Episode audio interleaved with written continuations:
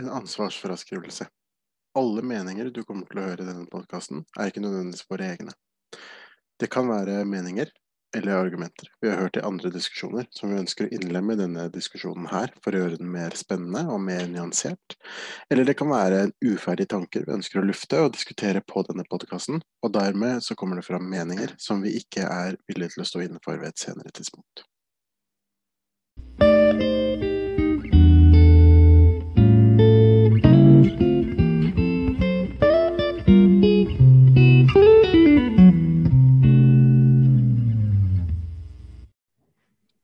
Hei, og velkommen til Kontroverspodden med meg, Alexander Valdem, og min kontroversielt gode makker Bjørn Erik Oppgaard.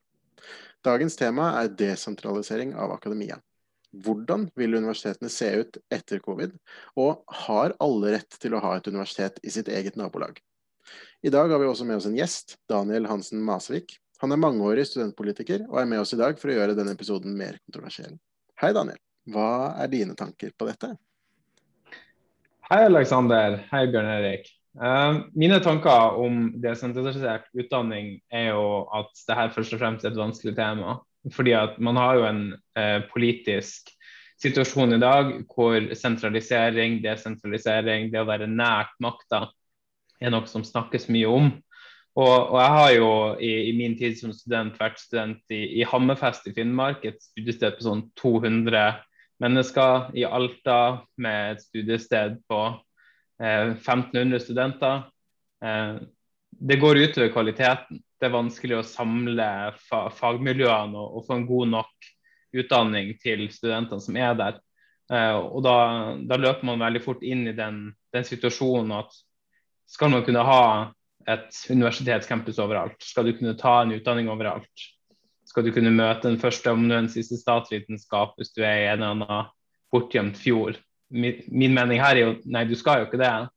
Um, kvaliteten er den som teller. Høyere utdanning heter høyere utdanning fordi at det er en høyere kvalitet. Det er ikke alle som har det tilgjengelig, men at man bør kunne ha muligheten til å reise der det er, og få det tilgjengelig. Uh, og så er jeg veldig glad at vi har en, en nettbasert uh, høyere utdanning på flere områder, ikke alle, som er tilgjengelig. Men det er åpenbart vanskelig å få en høy nok kvalitet. for Man ser også at de nettbaserte utdanningene ikke holder den samme kvaliteten. Og særlig når man også hører på hvordan studentene har det med den studentenes helse- og trivselsundersøkelse, som viser at uh, nesten halvparten av studentene har psykiske symptomplager nå under covid, så, så, har ikke studentene det bra. Og det å, å fjerne de fra hverandre gjør det vanskelig for dem. Så, så, man må på en måte få en høy nok kvalitet. Man må klare å gjøre det så de som studerer, har det bra. Og så må vi samtidig tilgjengelig, tilgjengeliggjøre kunnskapen for folket. For det er åpenbart vanskelig for folk å kunne ta jobber eh, som ikke bare er å sløye fisk på fiskemottak lokalt. Eh, hvis du ikke nå i dag har f.eks. en bachelorgrad eller en mastergrad som er innenfor et relevant tema. Så det her er, er kjempevanskelig, virkelig. Mm. Mm. Erik, har du lyst til å hoppe inn? Ja, gjerne det. Jeg må bare si at jeg, jeg kjenner meg jo igjen en god del av det han Daniel sier, siden jeg også går på et campus som er desentralisert. Det her med å, å være på et dødt campus fordi at det er samlingsbasert. Det er, ikke, det er ikke så enkelt når du tar en mangeårig utdannelse, for du er jo i stor grad overlatt til deg sjøl og dine egen sosiale ferdigheter for å skape det studiesamholdet som man trenger når man tar en såpass lang og tung utdanning. Men samtidig så tenker jeg jo det er litt greit at man også ser det her med høyere utdanning også i et bredere samfunnsperspektiv. At det er jo et gode for de samfunnene som universitetene er i, for du har da veldig høyt kompetente folk som bor på de plassene. Og de bor ikke bare der, men de forsker også der. Så f.eks. I, en, i en perspektiv der vi ser på lærerutdanning, så vil jo dem som jobber på lærerutdanninga også forske på skolen. Og da vil jo de skolene også få ressurser dit som de ellers ikke ville hatt. Og det er jo også en fin måte å spre kompetanse ut i landet. Mm. Men ja. er, det, er, det, er det bra nok til at man skal i hvilken grad er man villig til å ofre kvalitet på utdanning for å spre kompetanse ut i landet, da? Ja, altså, her, her, mener jeg det, det, slett er, det spredningsargumentet syns ikke jeg holder vann. For, fordi at kompetanse er jo noe som skal være spissa, noe som skal være eh, mye fokus på, som, som, må være altså en søken etter eksellens. Eh, særlig når du er innenfor området og forsker. Skal du kun utdanne, så, så er det jo på sant, en høyskoleretta eh, tanke at du i mye større grad bare skal utdanne. og Da er det mye mindre forskning. Men det betyr også at det ofte er en lavere kvalitet på de som, som jobber der. Du får ikke like mange professorer på en, en høyskole. Det er velkjent akkurat det det, det, det, gjør det utrolig vanskelig. For det samme som man også ser med de her grendeskolene, særlig oppe i Finnmark og andre mer eh, kan man ikke si, adskilte deler av, av landet vårt, så, så synker kvaliteten. Fordi at det er færre personer til stede. Man har færre personer å diskutere med. De som er ekstraordinært flinke, som har et eller annet skoletalent osv., de har ingen å spare med osv. Forskertalenter i, i en bortgjemt eh, plass i, i Nord-Norge eller eh, gud vet hvor. De, de, finner ingen å spare med, de finner, ingen som kan virkelig utvikle talentene deres. Og da taper vi veldig mye god kompetanse i det. Så, så det her er, er, vanskelig, og man kan ikke opprettholde sånt bare for å spre kompetanse. For kompetanse er kumulativt. Det blir bedre når det blir mer av det. Og, og de sørpå har jo en veldig interessant eh, test som sier litt om hvor sørfra det er. Det heter trikketesten som er rett og slett eh, det at eh, vil et fagmiljø overleve hvis en sentral person betruffer artikkelen? Eh, hvis du fjerner ett ledd i det systemet her, knekker det sammen. Og det er altfor ofte at du må svare ja på det spørsmålet, særlig jo lenger nord du kommer. For det er en virkelig reell utfordring. Og da, da kan du ikke spre så langt at uh, trikketesten tar de fleste. Mm. Jeg, jeg, tenker jo, hvis jeg også kan skyte den her, da, at det er jo Um, man er jo litt sånn hva kommer først? Altså Er det et fagmiljø som kommer først, eller er det fagpersonene som kommer først? Det blir veldig veldig rart hvis det blir en slags grendeuniversitet som dannes bare på vegne av at noen faglærte flytter dit. Um, samtidig så, så syns jeg jo at det Bjørn Erik kommer med om altså spredning av kunnskap er viktig. Vi ser jo, Ta Trondheim, da, f.eks., der jeg studerer. Det er vel det eneste, den eneste byen i landet der det er vanskelig å få jobb som barnehagelærer. Pga. dronning Maud. Altså det, er, det, er, der man utdanner mange barnehagelærere. Kan godt hende andre byer også, men det er her jeg har hørt om at problemet er størst. Eh, og det man jo ønsker, er jo å, å, få de barnehagelærerne ut til de andre barnehagene ut i landet. Da, men så er det jo sånn som du tar opp, da, Daniel. Er det å ha universitetene eller høyskolene sånn sett spredd utover i Norge et godt tiltak. Eh, for det jeg er redd for da, hvis man skal ha en høyskole i hver grend, er jo at du trenger, altså du trenger en fastlege, du trenger en butikk, og så må du ha en barnehagelærerutdanner. da. At det blir på en måte like viktig for infrastrukturen i de bygdene. Og hvis du skal gjøre det for alle utdannelser, eller i hvert fall de viktige utdannelsene, eh, sykepleier, barnehagelærer, osv., så, videre, så vil du få veldig, veldig spredte fagmiljøer. Eller veldig mange som er utdanna i det fagmiljøet. Og det er jo et problem. Eller? Ja, det, altså det er helt klart uh, at uh, du, du, trekker frem flere sentrale utfordringer her. Og, jeg tror det er også viktig å se på hva er hva man kan si, um, utdanningstradisjon når det kommer til høyere utdanning i Norge. For det er en germansk tradisjon ikke en, en britisk tradisjon. Vi har ikke sånne store generalistutdanninger. Vi spisser tidlig. Så la oss si f.eks. en, eh, en førsteamanuensis. Hvor, hvor, lang tid tar det fra den personen her begynner sin utdannelse i første trinn på grunnskolen, til de er en førsteamanuensis? Det er da gjerne 13 år skole, 10 år grunnskole, videregående med studiespesialisering. Så har de en eh, mastergrad på fem år, og så har de da gjerne et doktorgradsprogram som menes å ta to år. De aller fleste bruker tre eller fire. Mm. Og så skal du drive og forske og styre litt. Summa summarum ca. 25 år skal du investere i et menneske. Så er det den første amanuensis. Da er de klar for å spisse. Da kan ikke de være et, den, den, bærende faktoren for et helt utdanningsprogram. Da er de et spissa verktøy som skal fungere i et komplekst system. Ikke være den store, tunge motoren som holder alt gående. Du skal ha små, finurlige tannhjul som skal jobbe sammen for å få det til å fungere veldig veldig presist og veldig ordentlig. Ikke en stor, tungrodd sak som bare får ting til å gå på det grovest mulige nivået.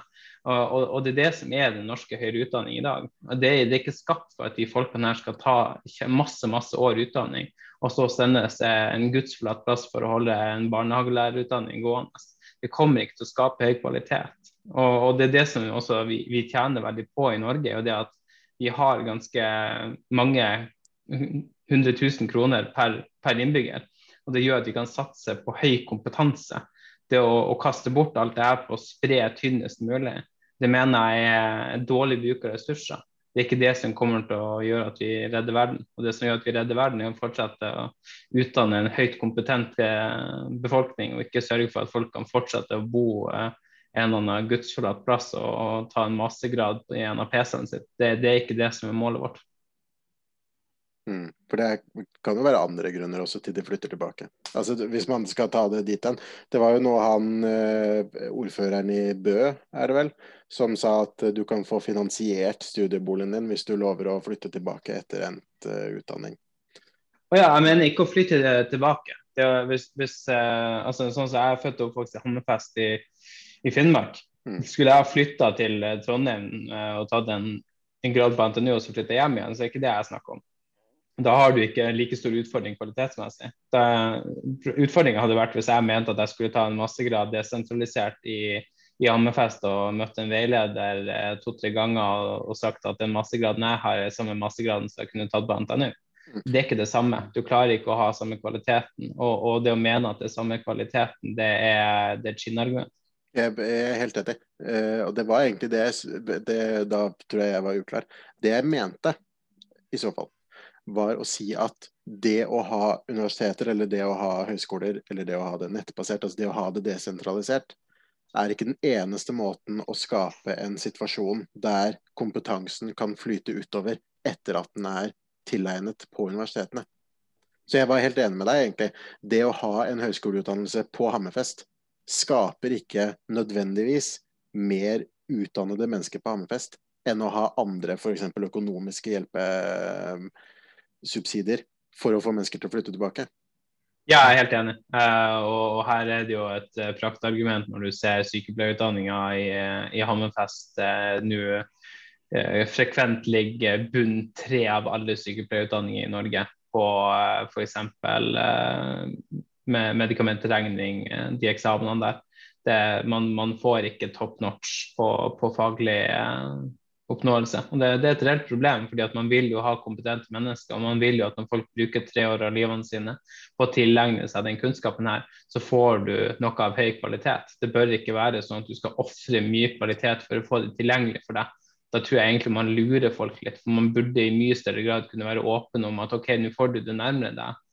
Men det er ikke det samme her. Det er ikke den samme kvaliteten du får, og det må du være klar over. Men det er ingen som kommer til å si veldig høyt at du, sorry, det er faktisk lavere kvalitet her.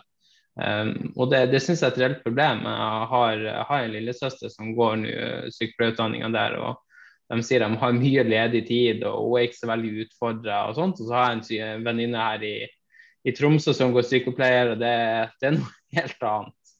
Begge to sitter igjen med en bachelorgrad i sykepleie mm. som ser like ut, men det er fra et annet sted. Ingen kommer til å si at det er noen forskjell. Det er et problem, det bør man snakke om. Ja. Vi har jo tidligere vært inne på jeg tror det første episode allerede, at det er et gode at ting er kvantifiserbart og likt, at det tallet betyr det samme. Så det er ikke noe tvil om det. Og jeg, jeg er tilbøyelig til å være enig i at det må jo være det at det er sammenlignbart som er det viktige. At, man faktisk, at det er en reell verdi bak den graden du har tilegna deg. Men det.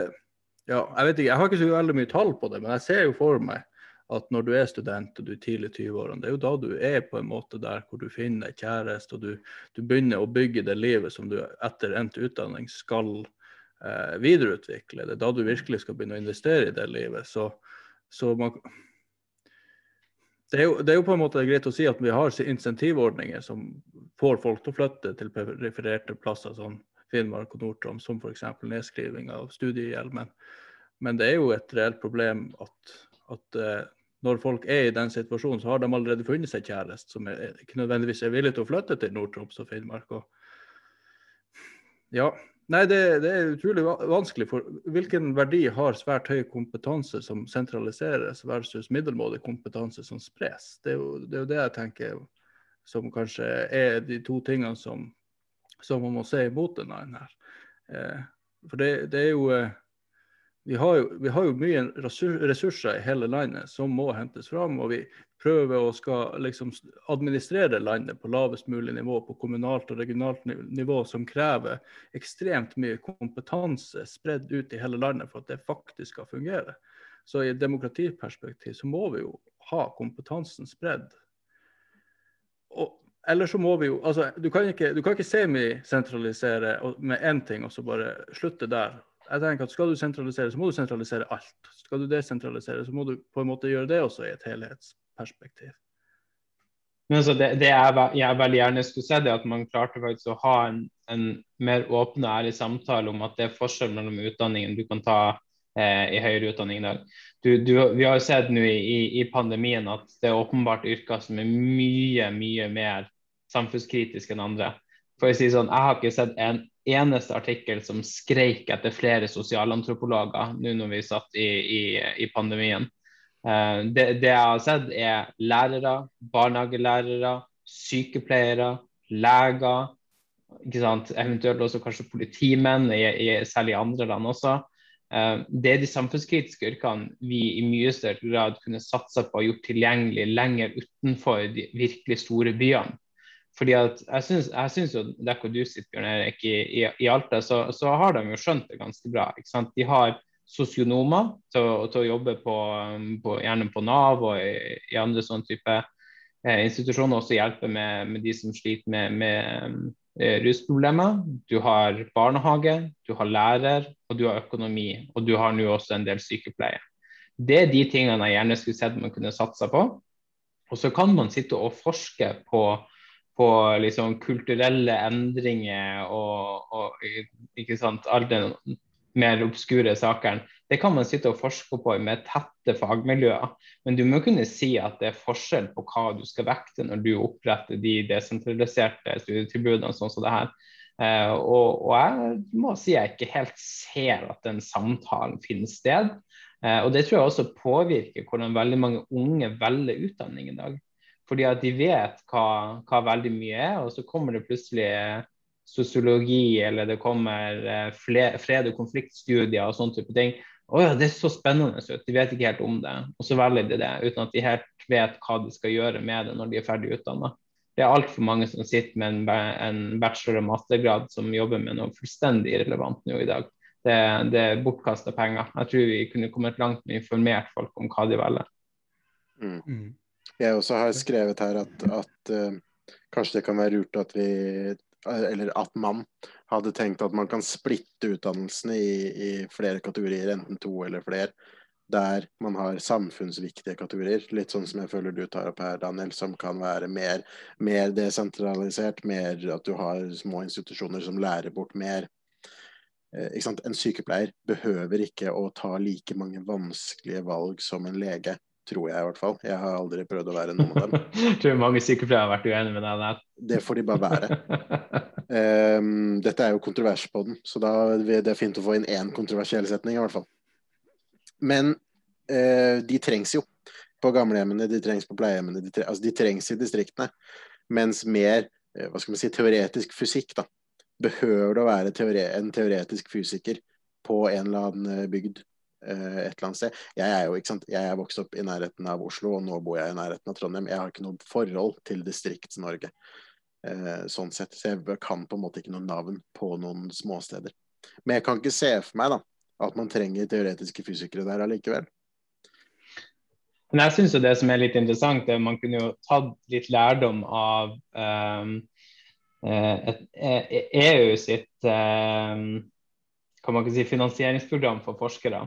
De, de, gir penger til veldig store prosjekter, og de deler det de finansierer i to kategorier.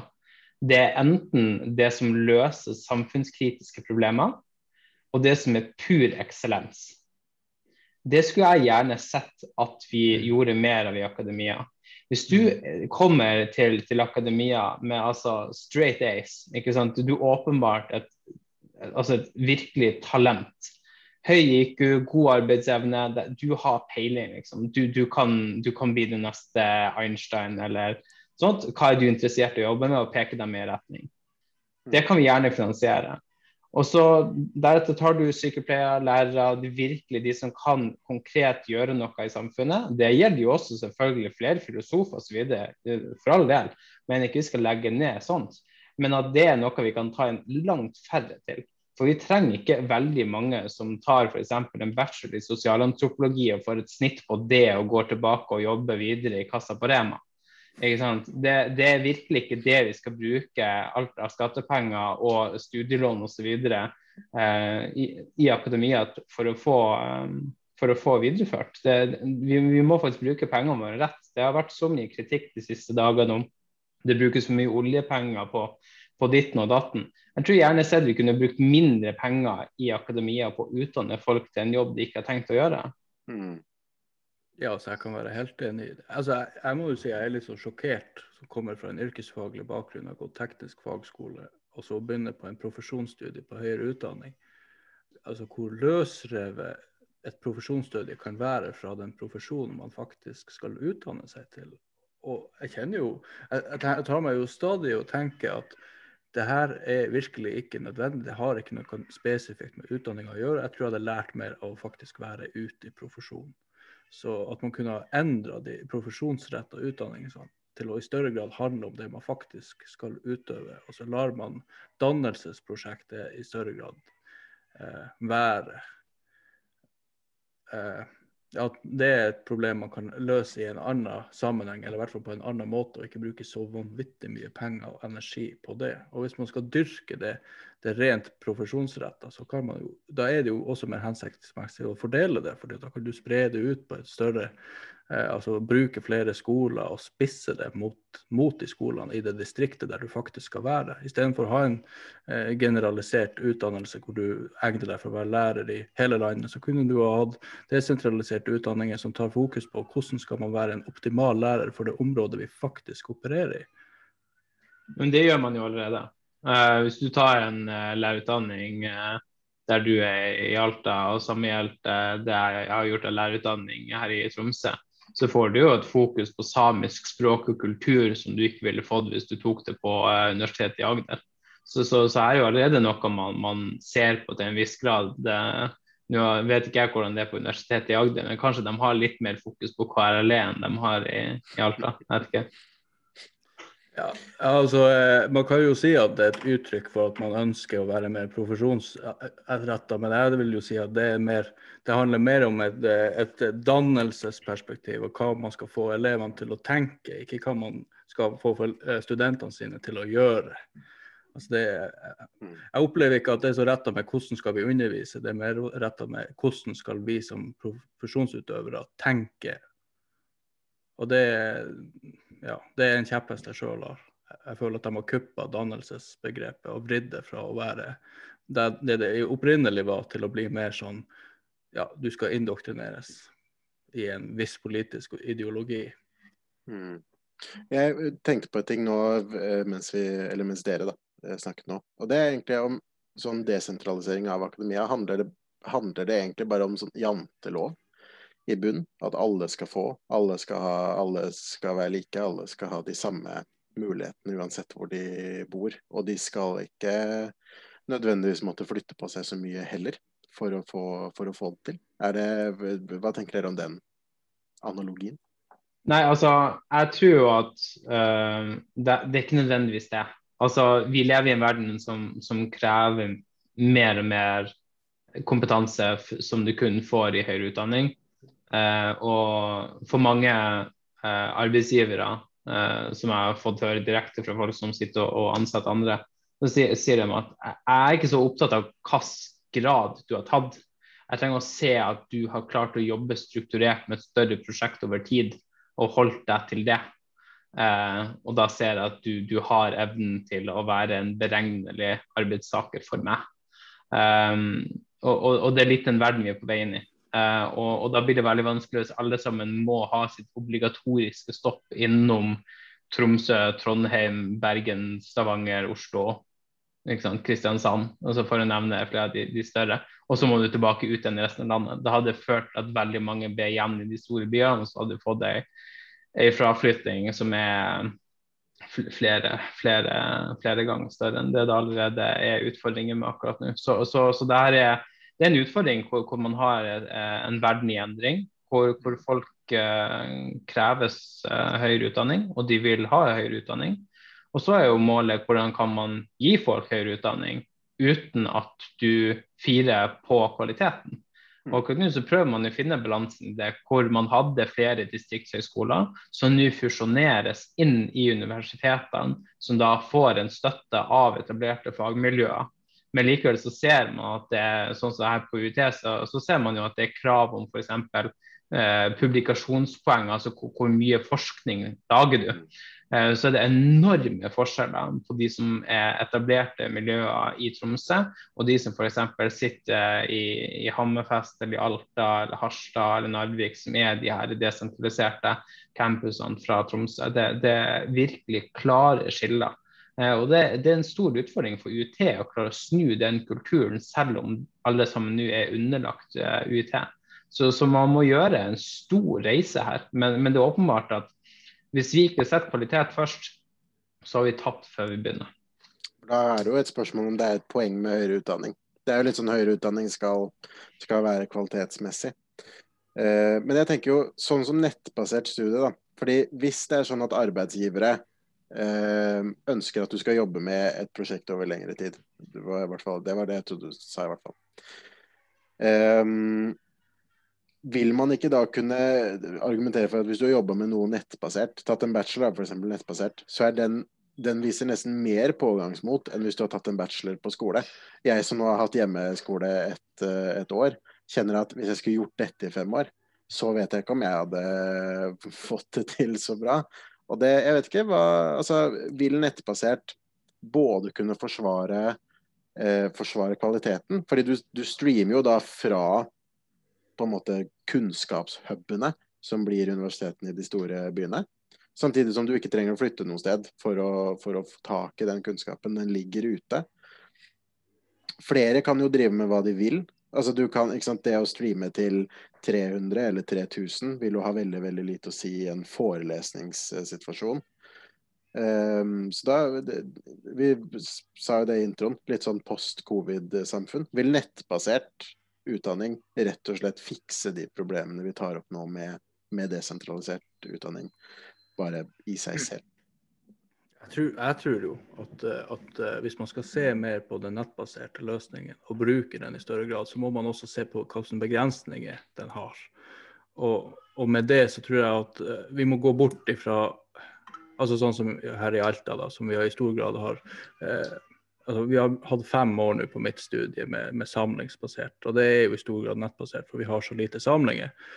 Og, og, personlig så vil jeg si at det er ikke en god løsning, men at man kunne tatt uh, årsstudier og enkeltemner nettbasert og spedd på kompetansen sin der man ønsker, og hatt valgfrie emner hvor du kunne ha tatt i regi av et annet studie nettbasert, der de tilbyr det emnet hvor de har høy kompetanse. Det, det ville ha vært en god løsning. For da, da, ser du på den nettbaserte løsningens egenart, og så jobber du ut ifra den at du har, hvis du har svært god kompetanse og god teknologi, så kan du spre den ut. Du trenger ikke å ha folk som møter opp til stede. Samtidig så tar man høyde for at begrensninga er at folk trenger å være til stede noen sted hvis man skal gjøre en ting over tid. Jeg tror at man må se på uh, Vi må se på studentenes helse- og trivselsundersøkelse nå.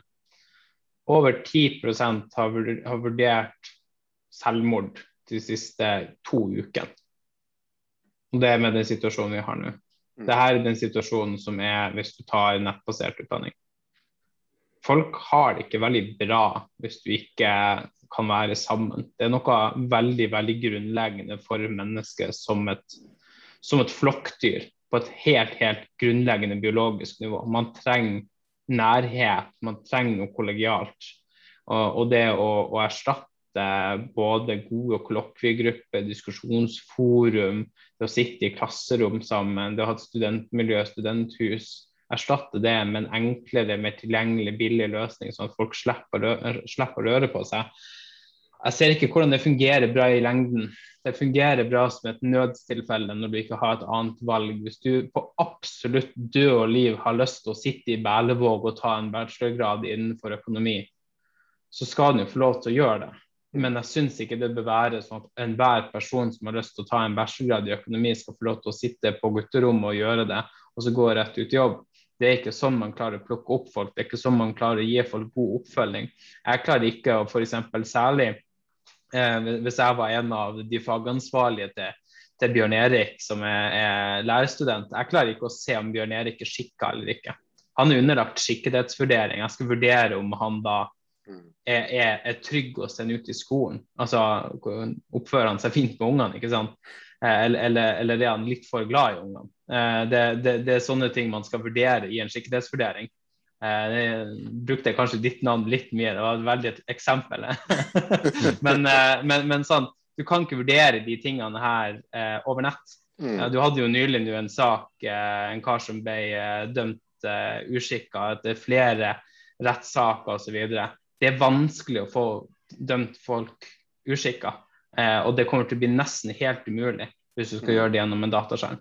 Så, så, så du, du, mister noe helt sentralt mellommenneskelig med å legge ting over til nettbasert. Det er en bra ting, men det, men det skal ikke være normalen. Det kan ikke være normalen. Vi kommer til å miste så mye annet godt på veien. Mm. Det, jo, det kommer jo veldig veldig an på utdannelsen, tenker jeg. Og så er det, jeg må skyte inn det, det siste argumentet ditt. Helt enig. Veldig veldig vanskelig å vurdere skikkethet over, over internett. De andre så tenker jeg jo det finnes nå flere eh, samfunnsøkonomiske papirer som tilsier Dette er fra USA. Der ca. en femtedel av eh, jobber fra nå av, altså fra etter covid, vil være hjemmekontorsjobber. Altså at du telecommuter. Og da tror jeg ikke at man altså jeg, jeg, Det er for så vidt enig man mister det kollegiale. Men det å miste det kollegiale betyr ikke å miste det å være sammen med mennesker. Det er en veldig veldig stor forskjell.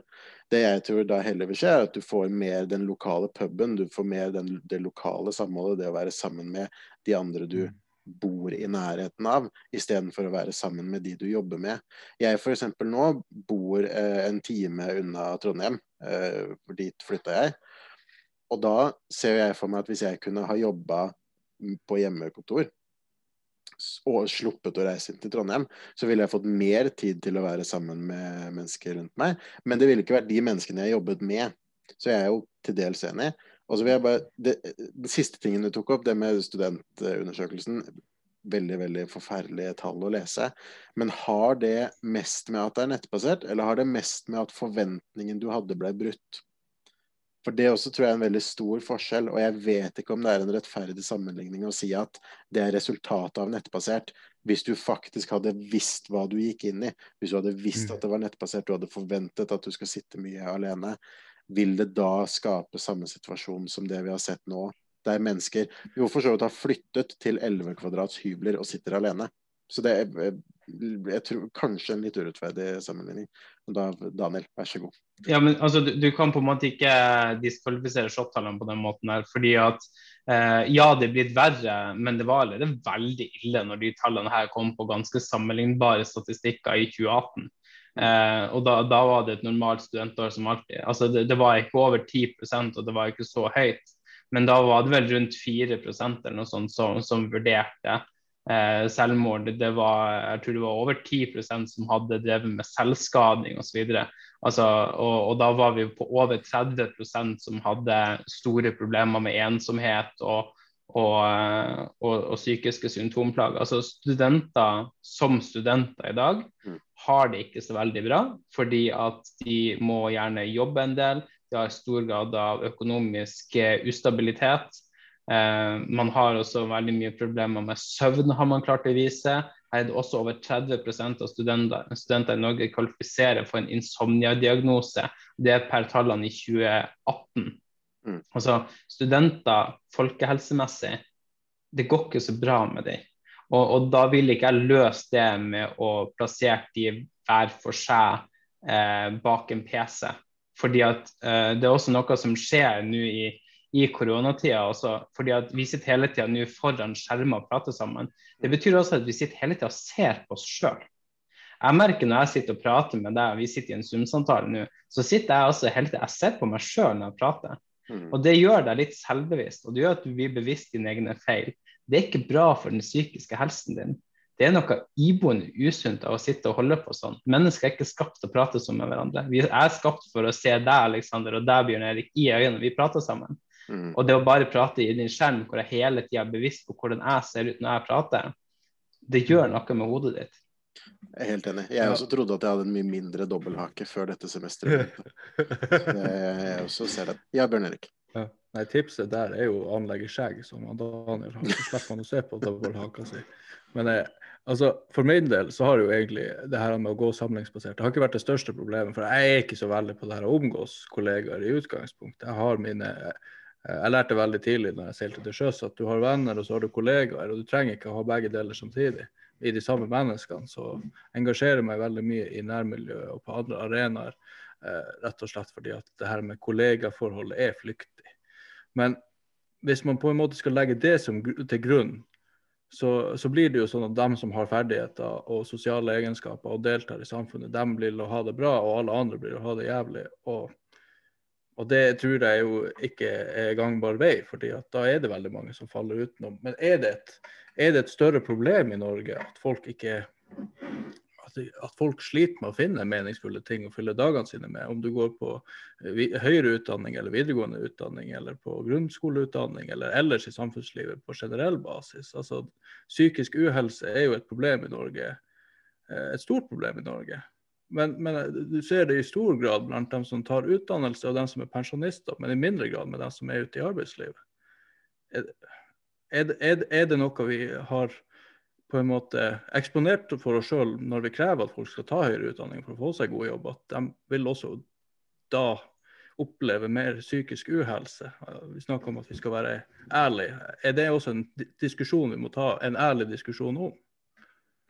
Vi, vi lever jo i et samfunn som er mer og mer kompetansestyrt. ikke sant? Det, det er ikke altså kan man ikke si, ikke, Min far kunne nok heller ikke det, men min, min fars far han kunne jo bare, når han ble gammel nok, hoppe på, på skuta og, og jobbe et godt yrkesaktivt liv på, på det han hadde mellom ørene. Det, det går ikke lenger. Eh, det at samfunnet krever at vi, vi har en kompetanse som er formalisert i en viss grad, og også så mye som folk bytter jobber, så må du kunne ha noe formelt som viser din kompetanse. Det kan ikke bare gå på jungeltelegrafen.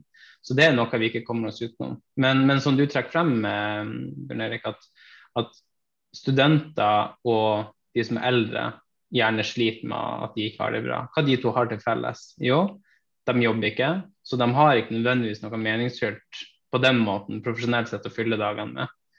De har også heller ikke lønn. Ikke sant? De har gjerne enten en, en studiestøtte eller en pensjon som kommer inn. Som gjør også at du er ganske bundet til hva du kan gjøre. Du kan ikke i like stor grad spare opp ting for å gjøre noe stort. Og så er du også i en sånn slags limbotilstand. For studenter de kan ikke begynne å flytte på seg. Mange studenter har store sperrer mot å f.eks. ønske å få barn. Fordi at det er en usikker situasjon. sant? Plutselig så skjer det noe, du får et barn som er veldig pleietrengende osv. Og, og der stopper utdanninga di. Og da kan ikke du gå tilbake hvis du har et barn som, som trenger veldig mye pleie. Og, sånt. Og, og veldig mange eldre har heller ikke mulighet til å satse på ting på den måten. fordi at ja, man har på en måte gjort mye av sitt allerede. Så, så jeg tror det å ha også den, den formen for selvstendighet og evne til å velge sjøl og være din egen person og, og satse på det du vil satse på, er noe iboende godt for folk. Eh, og jeg tror det er det som er bra at vi tilgjengeliggjør med desentralisert utdanning. Men samtidig så må vi se de store farene som kommer med det, og være klar over at dette er ett av veldig mange verktøy som skal brukes til å spre utdanning til folket. Det skal ikke være det fremste verktøyet. Det skal være et, et nisjeverktøy som fungerer for de som ikke kommer seg til de større byene eller de mellomstore byene, som har høyere utdanning tilgjengelig og vil gjøre det her over nett. Og aller helst burde være supplerende, ikke hovedutdanninga. Mm. Jeg syns det var veldig bra det du sa sist, der, supplerende. fordi at ja, jeg har jo veldig denne lærerutdanning-brillene på i og med at jeg går lærerutdanning. Og jeg tror jo at vi har en sånn problem, eh, et problemperspektiv på veldig mye av den som jobber som ufaglært i skolen. Og det er jo, jeg tenker jo at det er jo helt feil brillene å ha på seg. Vi må jo se på dem som løsningsperspektivet. Her er jo utrolig mye kompetente folk som har høy grad av egnethet, som mangler formalisert kompetanse. Hvis vi kunne tilført dem den formaliserte kompetansen, så hadde de jo vært formidable ressurser å ha det i skolen. Men da må vi også ha et system som kan ivareta det. Og det kan jo være desentralisert utdannelse, som de kan ta i kombinasjon av yrket sitt. Ja. Jeg ser nå at, at, klokken løper fra oss hurtigere enn det man skulle ønske. Vi kan vel da være enige om egentlig sånn på tampen at dette er et vanskelig tema, at vi ikke klarte å løse det på 40 minutter. Surprise, surprise. Men eh, da tror jeg rett og slett jeg bare må si tusen takk til dere som har hørt på. Gi oss en eh, rating eller like eller en kommentar eh, hvis det er ting dere enten likte eller virkelig hata. Arrestere oss på ting som var feil. Og ja, hvis dere har nye temaer eller spørsmål eller kommentarer, send gjerne mail til kontroverspodden eller på Facebook-siden vår. Yes, Og med det så må vi rett og slett bare si ha det bra til Daniel og Bjørn Erik og meg. Så ha det bra.